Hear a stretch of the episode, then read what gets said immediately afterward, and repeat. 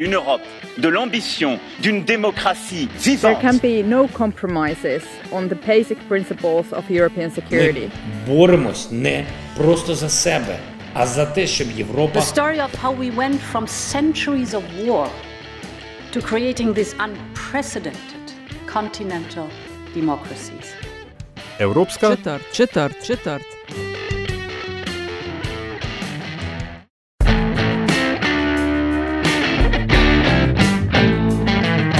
Spoštovane in cenjeni, dobrodošli v podkastu Evropska četrt, podkastu o vsem, kar vas bo zanimalo o Evropski uniji, pa niste vedeli, koga vprašati. Evropsko četrt vodiva Aljaš Mega Obitenc in Nataša Briškim, podcast domuje na spletni postaji metina.si, v vašem nabiralniku pa sveža epizoda, takoj ko je na voljo.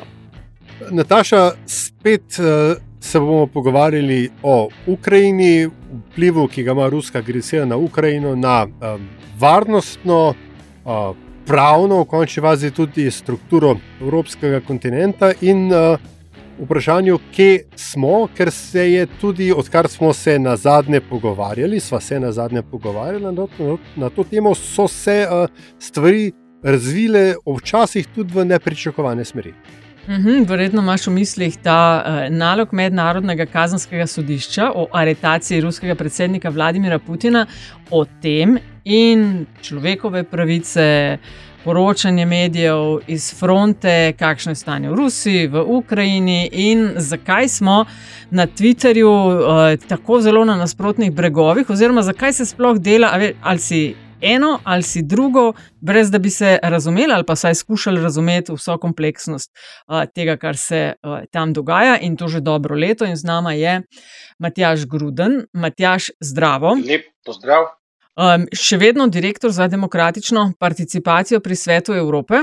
Zaenkrat še vedno, ja. Uh -huh. In uh, pod v sklopu tvojega direktorata je tudi uh, platforma za zaščito novinarjev. ne? ja. Krasno, bomo tudi o tem kaj rekli. Matjaš, ti se, sva zelo vesela uh, za tvoj čas, hvala vnaprej. Ti se z mednarodnimi odnosi na tak ali drugačen način ukvarjaš, že si zapisal pred dnevi na Twitterju v enem od odgovorov, če sem prav ujela, tri, več kot 30 let. Kje v teh 30 letih, kako je stala Ukrajina, kako si se z njo ukvarjal, kje ti je prišla naproti, kaj ste delali? Ja, teh 30 let, ki sem jih omenil na Twitterju, se je na koncu izkazalo, da je to nekaj, kar ni najboljše omenjati, ker mi to mnogi očitajo. Očitno uh, izkušnje uh, so nekaj, ki uh, v tej debati ne veljajo prav veliko. Ampak predem odgovorim, bi rad mogoče na tisto, kar je bilo prej rečeno, se navezal glede te polarizacije in delitev in kreganja. Izrazil sem eno osebno, oseben pogled, ki je morda najpomembnejši, grozo in, in, in žalost, ki jo čutim ob tej vojni, ki traja zdaj že več kot leto dni, pa pravzaprav na različne načine še dlje, z vsem uničenjem in z vsemi žrtvami, seveda med Ukrajinci, ki so bili napadeni, ampak na koncu koncev tudi na ruski strani, ker opažam, da se je na družbenih omrežjih pojavil, ne vem, kako naj bi to drugače imenoval, vojaška pornografija, war porn, kjer se ljudje lajkajo in širijo vse sorte novice in statistike o tem, kdo je uspel pobiti koliko na drugi strani. In to mene pač uh, navdaja z, z grozo in z nelagodo in si iskreno želim predvsem to, da bi se ta krvava vojna čimprej končala. In ob tem zaradi tega tudi um, ugovarjam tistim, ne, ki uh, uh, vse ljudi, ki se morda ne strinjajo z njimi, glede, nimajo istih pogledov, enakih pogledov na ta spopad, um, zmerjajo z podžigovalci nasilja, vojnimi poskači in tako naprej. Jaz mislim, da se v veliki večini primerov uh, vsi želimo enako, imamo pa morda različne poglede na to, kako bi do miru najhitreje prišli. To zdaj za uvod, sam sem se mi zdel pomembno s tem začeti.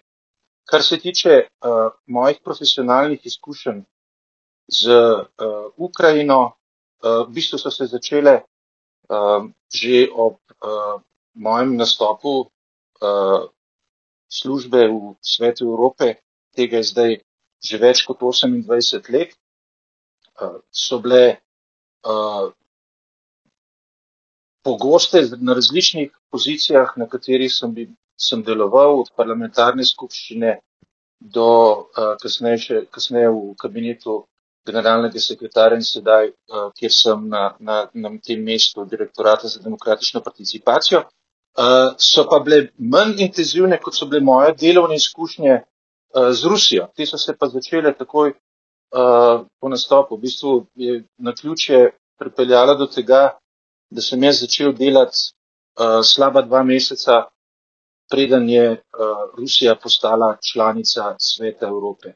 To je bilo januarja leta, leta uh, 97.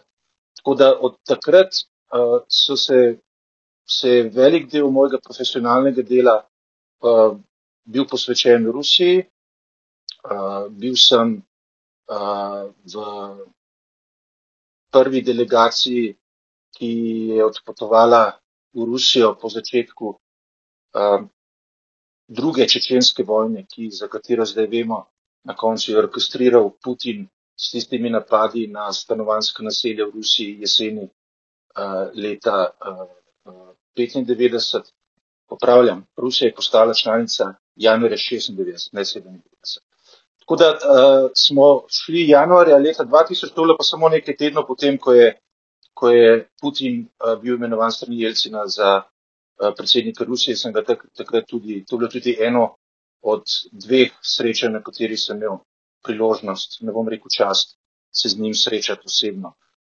Potem sem bil tudi uh, delal za tako imenovano uh, komisijo za monitoring, ki je pripravljala poročila o izpolnjevanju Rusije uh, obljub in zavez, ki jih je dala ob članstvu, ob vstopu v svet Evrope. In to je zelo zanimivo, ker uh, takrat januarja leta 96 je v Strasburg prišlo pismo, ki so ga podpisali tako predsednik Jelcin, um, mislim, da je bil predsednik vlade Črnomirni, če se ne motim, pa predsednik Ruske dume, Eh, in zunani minister in so se zavezali svečano eh, v celi vrsti stvari, med njimi tudi, da bodo vse notranje in zunanje spore reševali z mirnimi sredstvi, da bodo spoštovali mednarodno pravo in da se bodo odrekli doktrini bližnje uh, tujine, uh,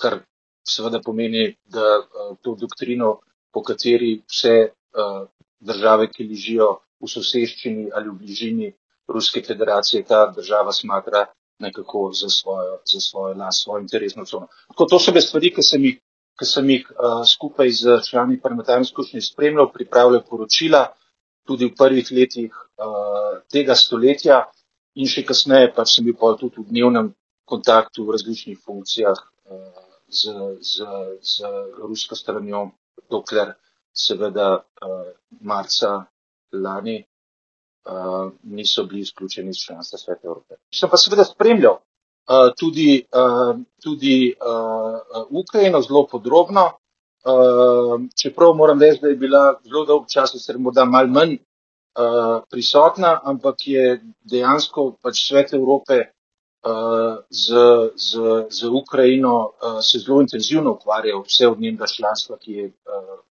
približno tako dolgo, kot je tisto, kot ga je imela Rusija. Velike države imajo pogosto, uh, kaj je lep slovenski izraz, mačehovski odnos do mednarodnih organizacij in multilateralnih institucij. Ne. Ko jim paše, ko je v njihovem interesu, jih upoštevajo. Ne.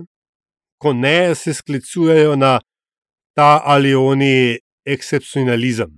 Um, verjetno zadnje dni je spet uh, primer tega mednarodnega kazenskega sodišča, kjer so recimo ZDA um, skoraj ploskale ne, uh, te razpisu tiralice za uh, ruskim predsednikom, hkrati same pa niso članice. Kot ne, tudi ni članica, oziroma podpisnica uh, uh, tega sporozuma o mednarodnem kazenskem sodišču, ni niti Rusija, niti ni to Kitajska in še nekaj drugih uh, velikih držav.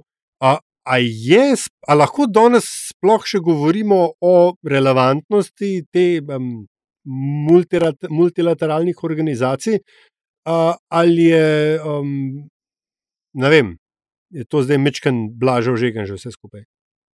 Ja, uh, jaz mislim, da lahko na to vprašanje odgovorimo, to, če skušamo si predstavljati, kaj bi bilo, če tudi tega blažega žegna ne bi bilo. Ne? Ker na koncu koncev je mednarodnega reda, uh, ki temelji na mednarodnem pravu, pa ne bo še tako nepopoln, pa ne bo še tako uh, pogosto kršen, pa ne bo še tako pogosto zanemarjan ali pa celo uh, um, vem, um, postavljen v, v kot in ignoriran, uh, ne bi bilo brez mednarodnih institucij. Tako da uh, jaz mislim, da je vsekakor uh, popolnoma relevantno, legitimno in zelo potrebno, da se vprašamo uh, in si postavljamo vprašanje, smo kritični do delovanja teh institucij, ne moramo pa se uh, osredotočiti samo na njih, ker na koncu koncev so vse na različne načine uh, toliko močne ali toliko šibke, kot jih naredijo uh, njihove države članice. Uh, mednarodne institucije nimajo svoje izvorne uh, moči, uh, uh, ki bi jim pomagale uh,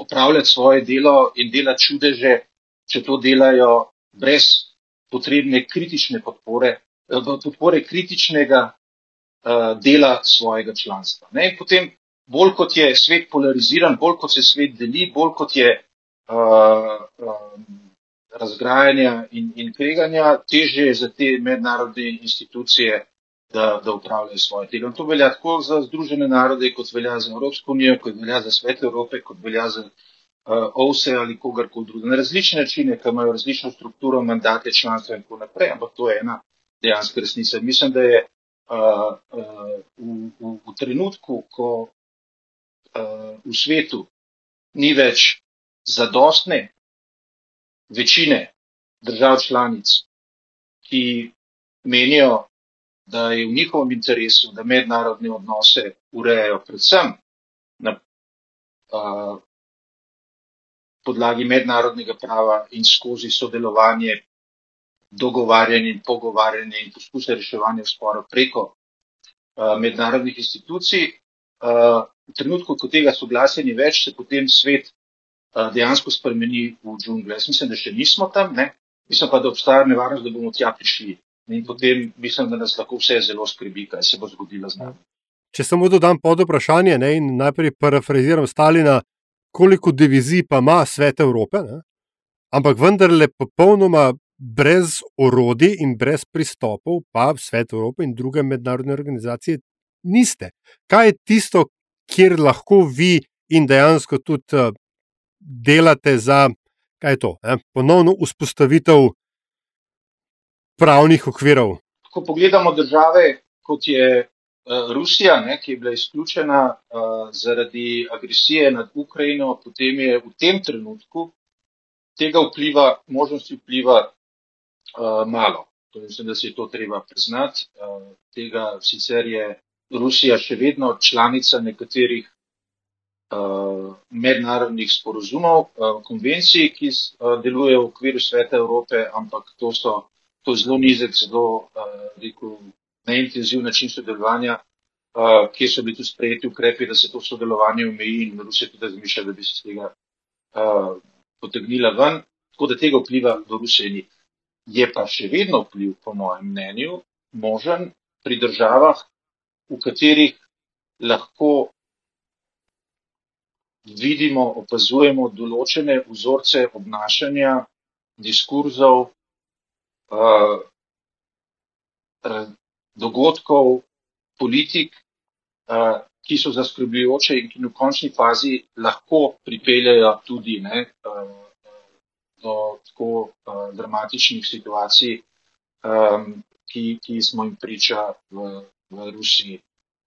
Generalna sekretarka Sveta Evrope v svojem poročilu o stanju človekovih pravic demokracije v Evropi, zadnjem upozorila na, na nazadovanje demokracije v Evropi. Rekla je, da so, evropske, da so demokratične institucije in demokratično okolje v Evropi, kako se bi temu reklo, medsebojno uh, spodbujajočem padcu. Uh, mutually reinforcing decline, sem hotel zdaj le uh, nerodno, nerodno prevesti uh, v živo, tako da se upravičujem.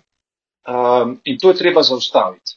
To je uh, tisto, kjer dejansko svet Evrope še lahko kaj naredi, ampak tega ne more narediti sam. To lahko naredi samo, če je še vedno kritična število držav članic, ki so svet Evrope pripravljene pri tem podpreti in ravnati odločno in v situacijah, kjer posamezne države članice kot ne po naključju ali po nesreči ali zaradi napak, ampak kot del uh, uh, rekel, um, načrtovane uradne politike pridejo v uh, kršitev obveznosti, ki izhajajo iz članstva in predvsem iz članstva v Evropski konvenciji človekove pravice, če je ta uh, odločnost drugih držav članic uh, dovolj močna in dovolj jasna, da ga organizacije pri tem podprejo, potem tukaj lahko še vedno veliko naredimo. Tudi tukaj je logika, uh, zakaj so se države članice odločile, da uh, maja skličajo uh, vrh sveta Evrope, to pomeni vrh uh, šefov držav in držav vlad članic sveta Evrope. To zdaj za publiko, ki spremlja dogajanje v Evropski uniji, ni kakšen velika novica, kakšen velik dogodek, ker so pač ti taki sestanki dosti pogosto. Kar se tiče pa sveta Evrope, bo to šele četrtič v zgodovini 70-letni, več kot 70-letni, da bo prišlo do tazga vrha. In ta vrh naj bi bil prav posvečen temu odgovoru na, to, na ta zdrs demokracije, ki ga opazujemo in na, kako so temu rekli, ponovno zavezo držav članic k demokratičnim vrednotam in obveznostim, ki jih imajo na tem področju. Ko si, bom, si bom vzela tole demokracijo za istočnico, ker so tudi s prejšnjimi gostoma v okviru te serije Evropske četrti, ki jo delava na vojno v Ukrajini, o tem govorila, namreč da uh, niti ni morda toliko razlog bil za vojno. To domnevno širjenje NATO, ki, uh, čez katerega benti Rusija in Putin in njihovi zagovorniki, uh, niti ne to, s čimer so začeli vojno, torej denacifikacija Ukrajine, ampak problem, da imajo ali pa bi imeli na, svoji meje, na svojih mejah državo, ki bi bila za demokracijo, ki bi želela biti članica Evropske unije.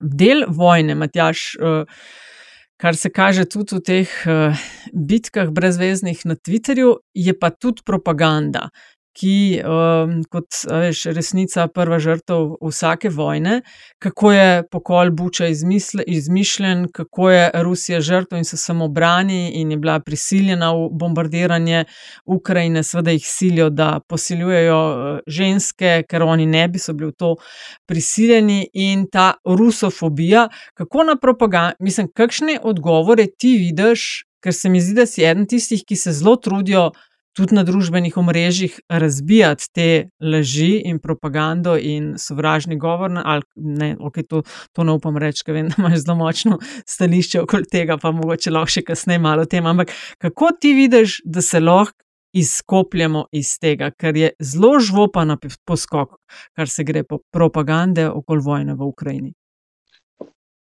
Ja, tukaj je zdaj ogromno enih zelo zanimivih vprašanj.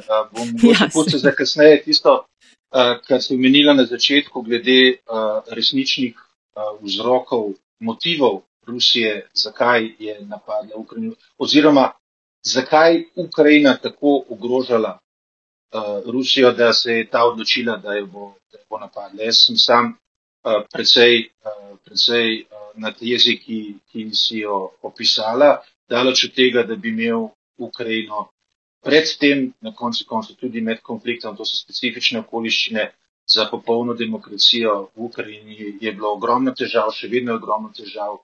V Ukrajini ima težave s korupcijo, Ukrajina je imela težave z marsičem, uh, Ukrajina je delala napake uh, in to je svet Evrope tudi pozorno spremljal na to reagiral, uh, oziroma smo imeli pripombe glede tega odnosa do uh, manjšin uh, na področju tudi jezika Tako da tukaj je bilo marsikaj za postoriti. Je pa jasno, da, predvsej jasno, seveda, da je uh, Ukrajina še vedno in na vkljub vsem tem državam težavam ostala država in družba, v kateri so ljudje še vedno ohranili možnost, da uh, zahtevajo tisto prihodnost za svojo državo, kot si jo želijo.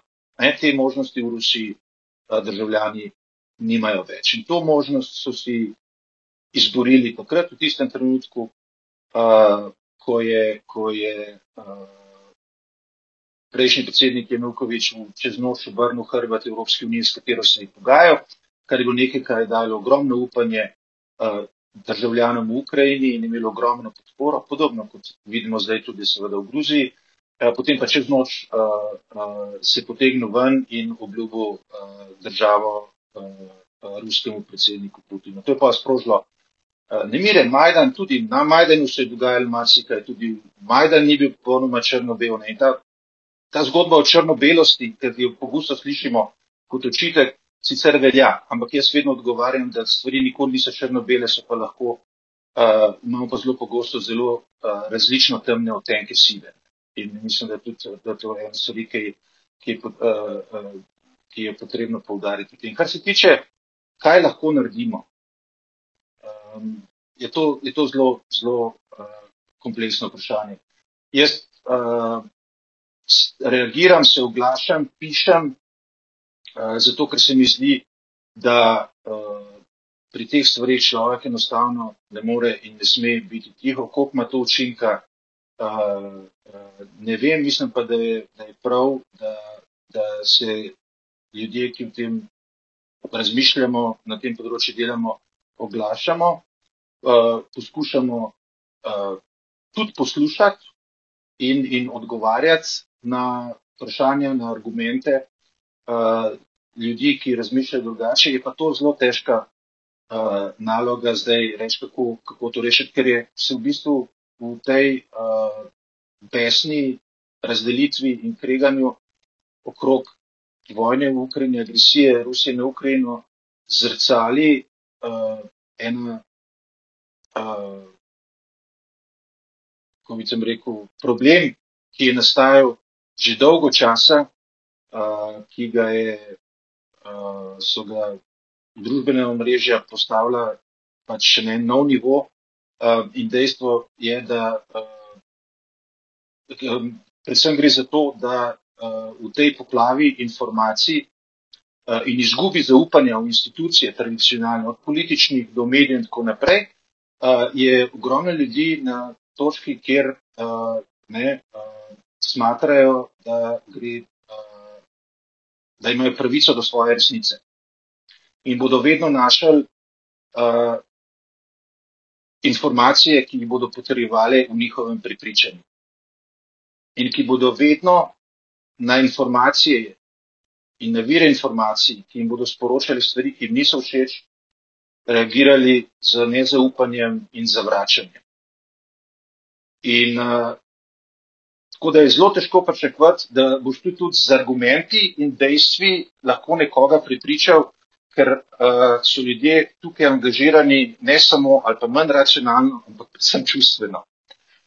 Tako da uh, na hitro in zlahka uh, to, to, to ne gre, treba pogledati, kakšni so globi razlogi za to, zakaj smo prišli do tega, ker se isti pojav uh, ne pojavlja, isti pojav ga ni opaziti samo glede tega konflikta, ampak na mnogih drugih področjih, v bistvu na vseh pomembnih družbenih, glede vseh pomembnih družbenih vprašanj. Tako, kako ga rešiti, je, je, je veliko vprašanje, po mojem osebnem pripričanju, pa po moji profesionalni orientaciji, bi rekel, absolutno, da je eden od ključnih odgovorov izobraževanje.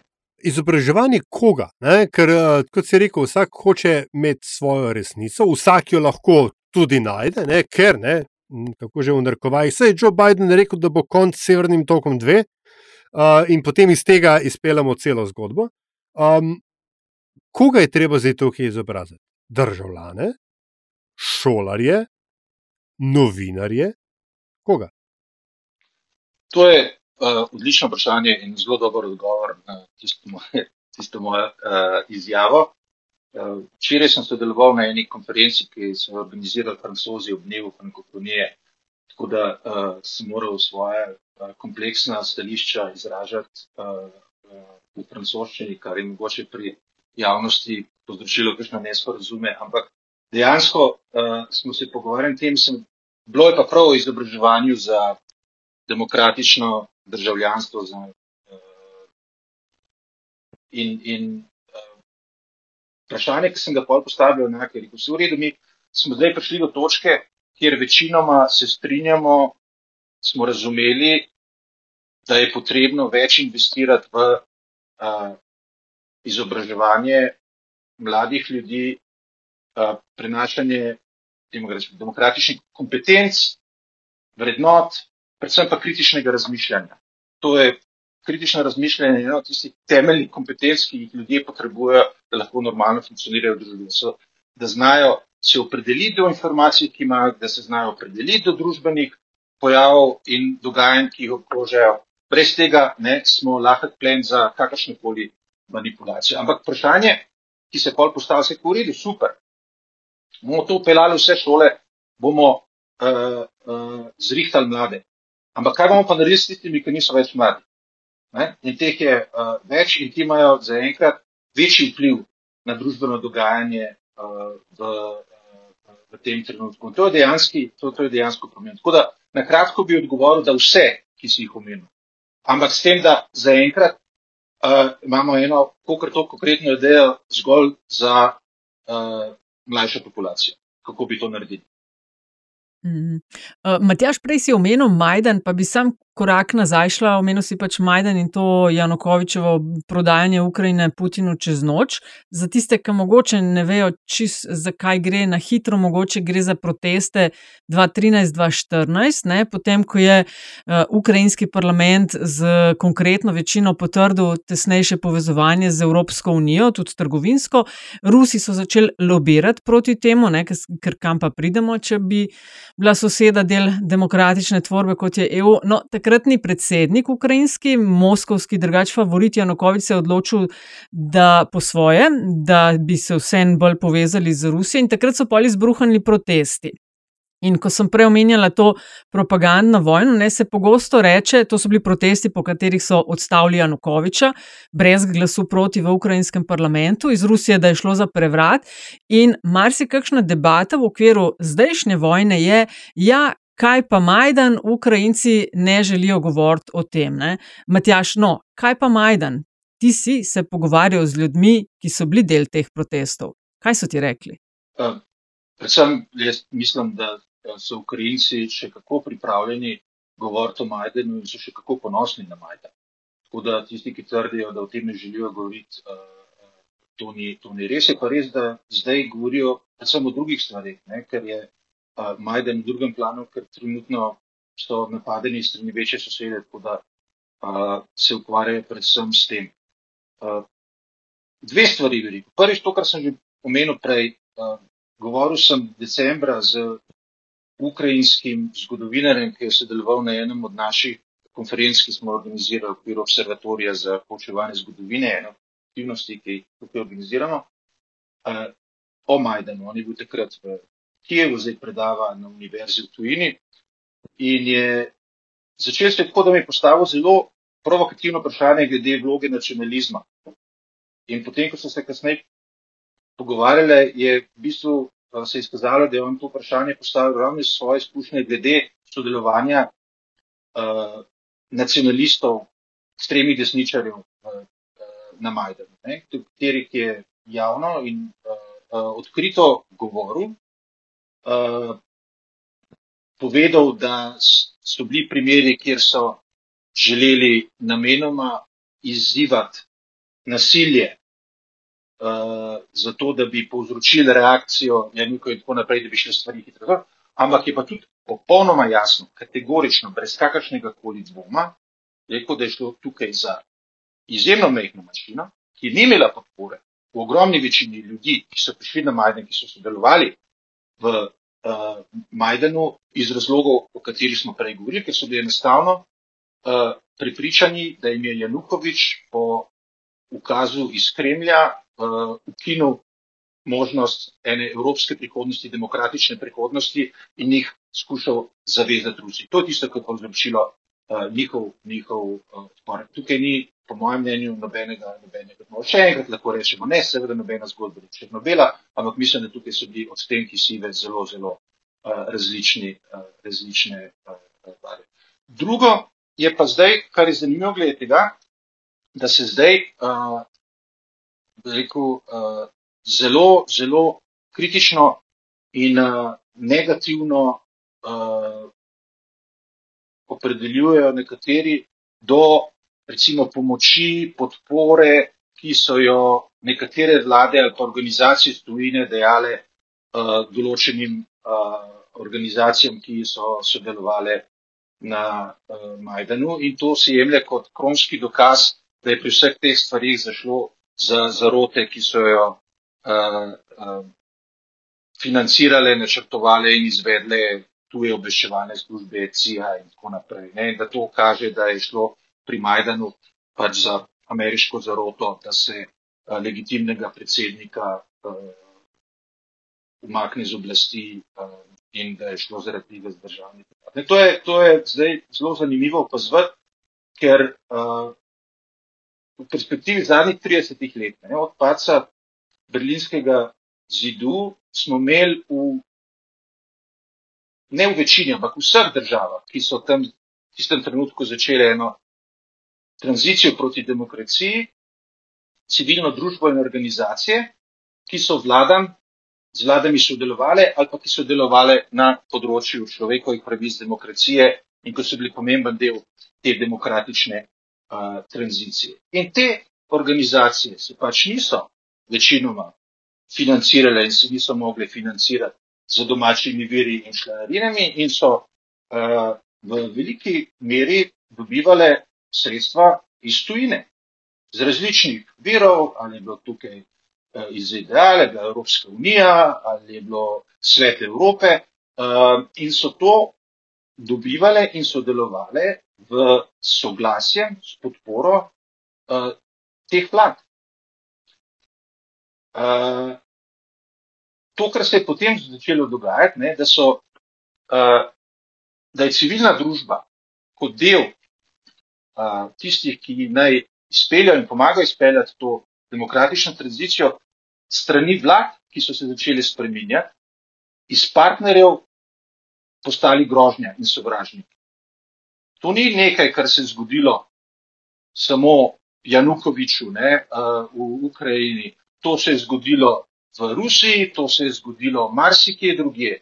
Uh, mi še vedno uh, delujemo z civilno-družbenimi organizacijami, s ključnimi z aktivisti za človekove pravice, ki so bili pred 20 leti uh, skoraj da bi rekel, uh, uh, imeli neomejen dostop do najvišjih uh, članov oblasti, zdaj pa lahko prijajo samo še v zapor. Ali pa če so že v zaporu, ne morejo ne morejo iz njega, ki so se spremenili iz, kot sem rekel, iz, iz zaveznikov v državne sovražnike številka ena. Um, in kjer se je to, da so dobivali pomoč iz tujine, začelo najprej strani avtoritarcev v Kremlju, Janukoviča, ostali, uporabljati kot dokaz njihove uh, nevarnosti, prodanosti in tako naprej.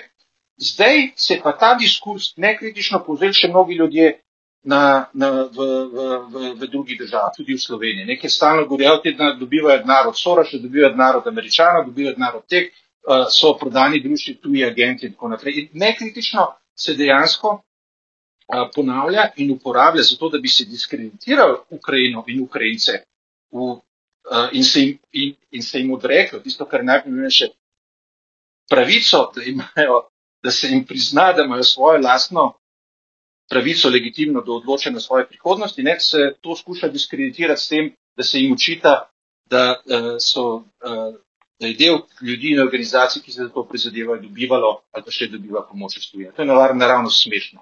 Ja, ne, na nek način je. je um... Uh, uh, kaj to se mu reče? Precejšna doza hipokrizije, ne? kako um, financiranje nevladnikov strani Evropske unije, pa zahodnih organizacij, je tako rekoč kolonializem.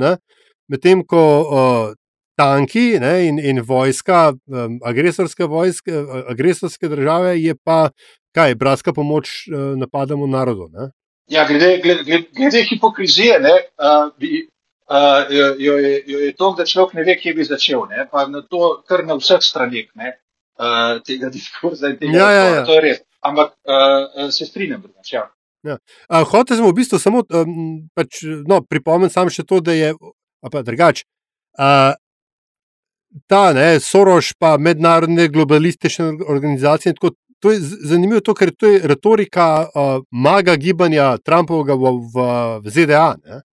Ta, ta nek ameriški first, American first nativizem, ki so ga zanimivo v Sloveniji konkretno prevzeli tudi, ne samo, ampak tudi ljudje, ki sami sebe razglašajo za dediče enobeja. Ja, te, no, ne gre samo za, za diskurs, pa za ideologijo uh, Maga in Trumpa. Uh, v bistvu gre za, za, za ideologijo, ki uh, jo je zelo prisotna in zelo uh, pomembna tudi uh, v Ruski federaciji uh, in pri delu politike, uh, tudi znotraj Evropske unije in tudi pri nas. Da, to, je, to je ena zelo, zelo um, um, pomembna zadeva, da, da kar se tiče, rekel, um, na, na eni ideološki ravni, ne, uh, vidimo podobnosti uh, med, med narekovaji partnerji, uh, kjer je ne bi, je ne bi pričakovali, kar predvsej očitno. Čeprav vemo, da mnogo ameriških konservativcev zelo z naklonjenostjo gleda na Putina, ker se jim zdi, uh, da gre končno za nekoga, in, ki ima jajca in ki naredi tisto, kar bi bilo treba narediti. Jaz ne vem, to lahko rečem v vašem podkastu, ampak jaz sem to ravno kar naredil. Uh, jaz sem hotel dopolniti, da je dec. Ne? Ja, no, tako, no, tako sem videl, sem hotel. Sem hotel Sej, ja, evo, Ampak to občudovanje dejansko uh, uh, obstaja uh, tudi na, na Foxu in tako naprej. Um, uh, obstaja, uh, obstaja pa pri, tudi pri nekaterih mnogih, uh, ki so sicer lahko v tem trenutku zelo uh, veliki nasprotniki uh, Putina in, in Ruske federacije, uh, kjer pa bi rekel spet na tej ideološki ravni pa vidimo mnoge, mnoge podrobnosti. Uh, po drugi strani pa tisto, kar uh, si omenil, ne, da pa uh, mnogi, ki se pa siceršnjem življenju v svojem okolju izjemno uh, uneto borijo proti tem idejam, ne?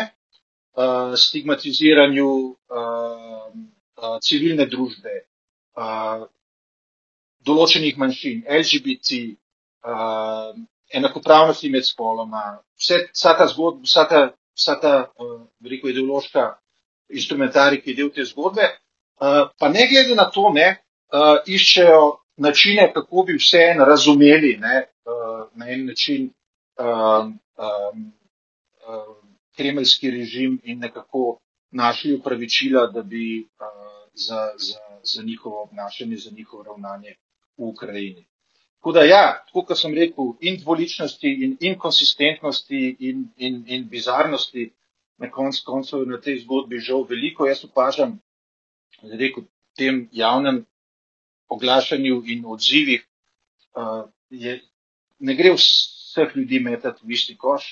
Uh, na nobeni strani tega, tega, tega, tega prepira, bi rekel, uh, so ljudje, ki jih enostavno treba ignorirati, uh, ki imajo, po mojem, tudi kakšne težave, ki z popolno, brez kakršne koli odsotnosti kritike zagovarjajo najbolj trda ruska uh, stališča, uh, zanikajo zločine, in tako naprej, teh je precej, ampak bi rekel, da pač gre za določen odstotek, ki jih boš imel poslov. Potem so ljudje, ki uh, imajo svoj status in vpliv uh, in reputacijo, ki pa zdaj v tej situaciji, z razlogom, ki meni so čist uh, popolnoma jasni, uh, glede uh, tega, kaj Putin dela z Ukrajino, svojo reputacijo delajo, ne vem, to, kar Putin dela z Ukrajino.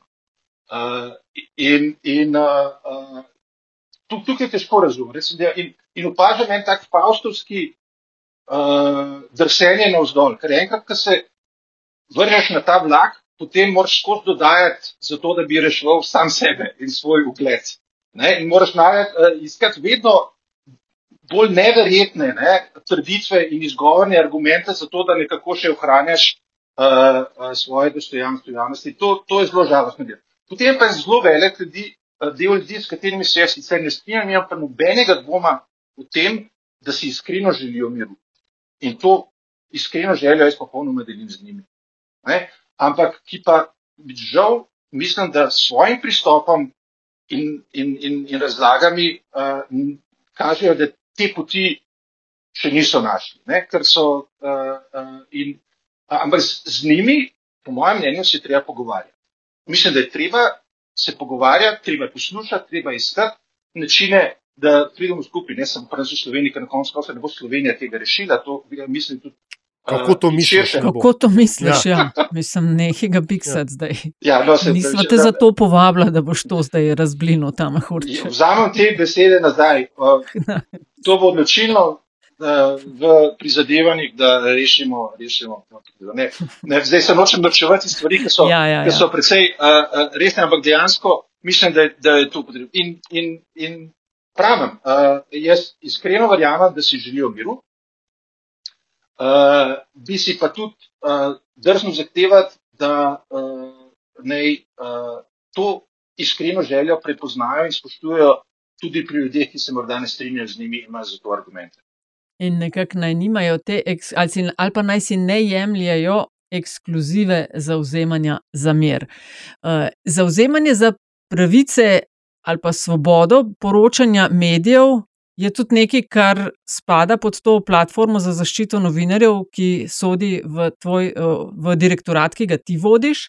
Kakšne imate podatke, koliko se jih pač dobi iz fronte, koliko je v Rusiji zaprtih novinarjev, kjer pač zaprejo, ali pa si na sodišču, če že rečeš, da je to vojna, ne pa kot so si zamislili, ali pa kot je rekel Putin, um, vojaška opera, posebna operacija, ali kako morajo že govoriti. Koliko je skratka zaprtih novinarjev zaradi vojne v Ukrajini v Rusiji in koliko v Ukrajini, če imate te podatke? Ja, najprej glede platforme. Uh, mi, uh, platforma deluje že 8 let, spremlja, registrira pritožbe glede resnih kršitev svobode govora in varnosti novinarjev v državah članicah. Uh, do uh, lani je bilo naše delovanje omejeno države članice, ker gre pač tudi za uh, spremljanje njihovih obvez oziroma kršitev obvez iz uh, Evropske konvencije za človekove pravice. Uh, ko je bila Rusija izključena, uh, seveda smo uh, se morali pogovarjati, kako naprej, ker načeloma po eni taki mehanični logiki bi morali nehati spremljati, kaj se dogaja v Rusiji, ampak to seveda ni prišlo v poštev. Namesto tega smo pač uh, našli način, uh, da uh, še vedno sprejemamo tudi pretožbe glede tega, glede kršitev v Rusiji in strani Rusije. Um, uh, in priključen tudi, tudi Belorusije, ki prej ni bila spremljena. Zdaj, uh, na platformi uh, lahko z nekaj kliki dobimo številke, ki so, ki so bolj ali manj, uh, bi rekel, um, updatirane, tako kot se lahko reče po, po slovensko. Uh, um, podatki, ste, prva stvar je, ne, da se težave za novinarje, tako kot vsi vemo, v Ruski federaciji niso začele uh, z 24. februarjem uh, 2022, ne, uh, da je pred specialno operacijo Putin od samega začetka imel mnogo specialnih operacij proti neodvisnim novinarjem in medijem, eh, zaradi katerih so mnogi končali v zaporu, eh, eh, mnogi v tujini, nekateri pa tudi izgubili življenje. To se sam še začel, še, še, še dramatično poslabšalo po, po začetku agresije. Trenutni podatki, če pogledamo, je treba malo bolj potruditi, sem rekel nekaj klikov, ampak dejansko problem je v tem, da je veliko število kršitev zaprtih novinarjev, novinarjev, ki so na ta način ali drugačen način uh, uh, uh, ogroženi oziroma uh, napadeni. Uh, uh, en del jih je v Rusiji, na, na, na teritoriju Ruske federacije, en velik del jih je pa, uh, uh, gre pa za kršitve, ki jih je Ruska federacija storila ali na ozemljih, ki jih je uh, okupirala od leta 2014 ali še prej, ali pa na, področ, na, na, na ozemljih, uh, ki jih je okupirala od lanskega uh, napada. Tako da mislim, da vse skupaj uh, je um, uh, teh, ki so, ki so zaprti, trenutno 25. Uh, če se ne motim, zdaj reč ne bi govoril številkami, ker bi raje pogledal, da bom na ta način, to se da na hitro pogledati. Um, en del te statistike ne, boste našli pod Ukrajino, en del pod Rusijo. Ampak tukaj gre za kompromis, ker dejansko tudi kršitev, ki se, uh, so se zgodile, pa uh, novinari, ki so bili zaprti strani ruskih sil na teritoriju, ki pripada Ukrajini, če tudi je okupiran, se vodijo pod Ukrajino in to z dogovorom z Ukrajino. Ker če ne bi na en način uh, de facto v bistvu sprejeli dejstvo, uh, ja, prepoznali, ja, ja. da gre za teritorij, ki pripada Rusiji. Tako da uh, jasno je napisano, kdo je odgovoren, ampak statistično so. Uh, se vodijo pod Ukrajino z zelo jasnim disclaimerjem, da gre za območje in tako naprej. Um, tako da um, um, Poleg tega, seveda, vodimo tudi uh, podatke o, o, o, o, o žrtvah, smrtnih žrtvah, uh, med spopadi, ki jih je bilo tudi, nažalost, uh, zelo veliko od začetka, od začetka konflikta. Uh, platforma oziroma njeni partnerji so pa tudi bili kontaktirani strani državnega tožilstva ukrajinskega, ki je zaprosila, da Eh, zbirajo podatke eh, prav podrobno o eh, zločinih in kaznjivih dejanjih storjenih proti novinarjem v času, v, v kontekstu agresije, ker gre seveda za zbiranje podatkov in dokazov, ki bodo pomembni kasneje v procesovaciji teh dejanj.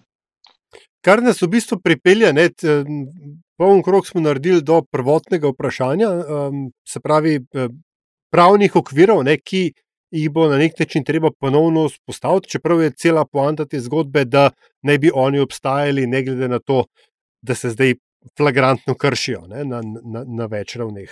Um, zato ti pač za, okviru, za potrebe tega pogovora ne bomo šteli v zlo, da si pravnik. Uh, in, in v bistvu zanima, kaj vse se mora po tvoje zgoditi, ko se bo ta konflikt končal, upamo, da čim prej. Uh, zato, da bo zdaj zelo visoko leteče rečeno, pravice zadoščeno. Uh, zgoditi se mora veliko stvari. Uh, zato, da bo pravice zadoščeno, pa tudi uh, predvsem zato, da bi mogoče lahko uspeli vzpostaviti eno stanje, v kateri se takšne stvari uh, ne bi več dogajale ali pa bi se teže dogajale. To uh, so povezane, ampak različne stvari. Zdaj, da bo pravice zadoščeno, da bo recimo tisti, ki, bodo, ki so obtoženi, uh, uh, Putin in njegova komisarka za otroke, pa še drugi, ker vemo, da sigurno bo teh obtožnic še več, oziroma morda že so, pa so tajne. Zdaj, to lahko zdaj traja leta, lahko pa se zgodi zelo hitro. In to je zelo odvisno od okoliščin, kakšne bodo, kaj se bo zgodilo. Vemo tudi, uh, kako se je to odvijalo v preteklosti v primeru um, bivše Jugoslavije. Uh, seveda Ruska federacija ni bivša Jugoslavija oziroma del bivše Jugoslavije, ki bi relevanten v tej zgodbi, ampak ne glede na to, spremembe, če pride do njih v Rusiji, druge, lahko včasih čez noč spremenijo okoliščine in pripeljejo do premikov, lahko pa seveda to traja tudi, tudi že leta. Tako da je težko odgovoriti na to vprašanje, ampak ne glede na to, je pomembno, da to obstaja. Če je prišlo do vojnih zločinov. In mislim, da je tega med večino uh, tistih, ki imajo pristojnost in strokovnost, da o tem dajo mnenje, o tem ni več veliko dvoma, potem je prav, da se te zločini uh, imajo uh, tudi kazensko procesirajo. Uh, če tega ne bi bilo, ne, bi bili še korak dlje rekel, od, uh, od, od kaosa. In ta trditev, da obtožnice za vojne zločine postavljajo prepreke miru, uh, so uh, uh, prvi moji ne držijo, ker, uh, ker, ker to ni res, uh, drugi so pa tako globoko neetične, uh, da, da, da je v tem um, um, težko, težko jih dovolj močno obsoditi, bi rekel. Um, ampak drugo je pa, kaj se potem more, mora zgoditi, uh, uh, zato da do teh stvari ne bi več uh, prihajalo ta vojna, tudi o tem mislim, da se vsi strinjamo, uh, je že spremenila in bo spremenila svet, ki ne bo tak, kakor še ni bil včeraj. Ta se bo spremenil uh, na, um, na, na načine, ki nam uh, mnogi morda tudi ne bodo uh, najbolj všeč. Kakšne bodo te spremembe, koliko daleč bo tudi šle, uh, kaj bodo vse prinesle, je pa uh, odvisno od tega, uh, tudi od tega, ne, uh, kar je, kaj bo, kaj bo uh, naredil, ali bo, če lahko s tem narekovaj rečemo, kolektivni zahod oziroma države, ki še vedno počivajo na teh vrednotah temeljih liberalne demokracije, se je uspelo vzeti v roke in razmisliti o tem, zakaj se v takšnem konfliktu tako velik del sveta noče opredeliti ali pa se opredeljuje drugače, kot bi mi pričakovali in si želeli. Kaj je tisto, kar smo mi naredili na robe, kolektivno, posamezni države in drugi, da je do tega prišlo, kaj bi morali narediti drugače, kje je bila dvoličnost, kje je bila hipokrizija, kje so bile kršitve mednarodnega prava, ki jih zdaj izkoriščajo tisti, ki skušajo totalno resuti uh, um, ta uh, mednarodno pravo in so v tem zaenkrat kar precej učinkoviti. Brez tega ne, uh, bomo, bomo še v bistveno večjih težavah in ne bomo mogli vsega rešiti samo z kazanjem prsta na, na, na drugo stran, ampak se bo treba tudi močno pogledati v ogledalo. Tukaj se jaz strinjam s tistimi, ki govorijo, uh, ki govorijo uh, o tem, ja, kaj, pa, ne, kaj pa Bližnji vzhod, kaj pa Izrael, kaj pa Amerika, kaj pa Irak. To je absolutno vse res. In to je tudi treba poštevati. Nič od tega pa ne upravičuje oziroma uh, daje kakršni koli legitimnosti temu, uh, kar, kar se gre Putin. In samo to bi še rekel, jaz se, v bistvu to pomeni, ne, da uh, bo uh, um, treba kritično pogledati, kaj je svetu prinesel Pax Americana. Uh, globoko sem da pripričan, da uh, Pax Kremiljana, ali pa, ko bi temu rekel, Pax Cianamana, Cianamena, uh, uh, nam, da, nam, da nam bo to prineslo uh, substitut in rešitev, uh, ki bi se jo lahko želeli. Daleč, daleč od tega. Um, ni pa daleč, Matjaš, Slovenija, v kateri se boš modil naslednjih nekaj dni, smo izvedeli. Uh, čestitava ti zalažem za nominacijo za Bob leta. Uh, boš sodeloval na prireditvi, če prav uh, razumem. In uh, ker je že to debata, v kateri nastopa tudi Council of Europe, svet Evrope, uh, mineva tudi 30 let članstva Slovenije v tem združenju. Kaj boš povedal na debati, ki bo 6. Apri ne, ja, 6. aprila? 6. aprila popoldne, ja. uh, tako dolgo sem vabilo uh, zunanje ministrice Tanja Fajon, da se udeležim te konference in sem to z veseljem sprejel. Eh, kaj bom povedal? Skušal bom predstaviti pomen sveta Evrope, ki, gre, uh, ki bo šel, se bo skušal mal oddaljiti od tega uh, uh, dnevnega pogleda na to, da je to ena mednarodna organizacija, kamor ljudje hodijo, pa tam sodelujejo, pa se pogovarjajo, pa dogovarjajo. To je vse zelo pomembno, zelo redno. Ampak bom skušal ponazoriti, kako je morda ne svet Evrope, ampak to, kar predstavlja z Evropsko konvencijo za človekove pravice, kako je to v bistvu a, izjemnega pomena, ker je pravzaprav za, za a, rekel, hrbtenico enega civilizacijskega evropskega modela, ki smo ga postavili po drugi svetovni vojni. In da se zdaj živimo v situaciji, kjer lahko to izgubimo. Ta možnost je realna, ne samo zaradi tega, ker Rusije ni več. To je v določenem trenutku, v trenutnih okoliščinah, pravzaprav za organizacijo dobro, ker ti ne moreš imeti organizacije zaščite človekovih pravic, ki vključuje države, ki počnejo to, kar počne Rusija v Ukrajini. Uh, ampak imamo tudi druge države. Imamo Združene, uh, Združeno kraljestvo, v kateri ministrica za pravosodje javno agitira za to, da bi uh, Velika Britanija odšla uh, iz Svete Evrope in iz, iz konvencije. Jaz mislim, da je premalo zavedanja, ne samo v javnosti, uh, ampak med politiki in med vladami Evropske države, kakšne posledice bi to imeli za Evropo, za varnost Evrope in za prihodnost Evrope.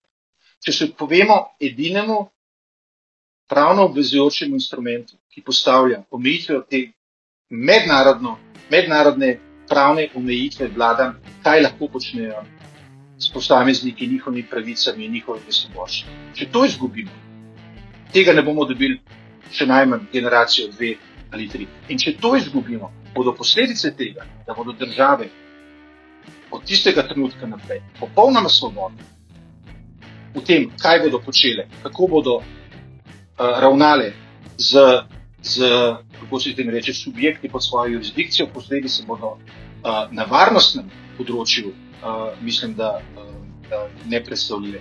In tisto, kar bi želel, je to na en način uh, mogoče malo dramatično, ampak izraze tudi na tem, da se ne izgubimo v zelo pomembnih dnevnih podrobnostih, kvalitetah, finih stvarih, ki ta organizacija predstavlja in je zaradi tega zelo pomembna. Ampak ima tudi en svoj pomen, ki se ga žal premalo zavedamo.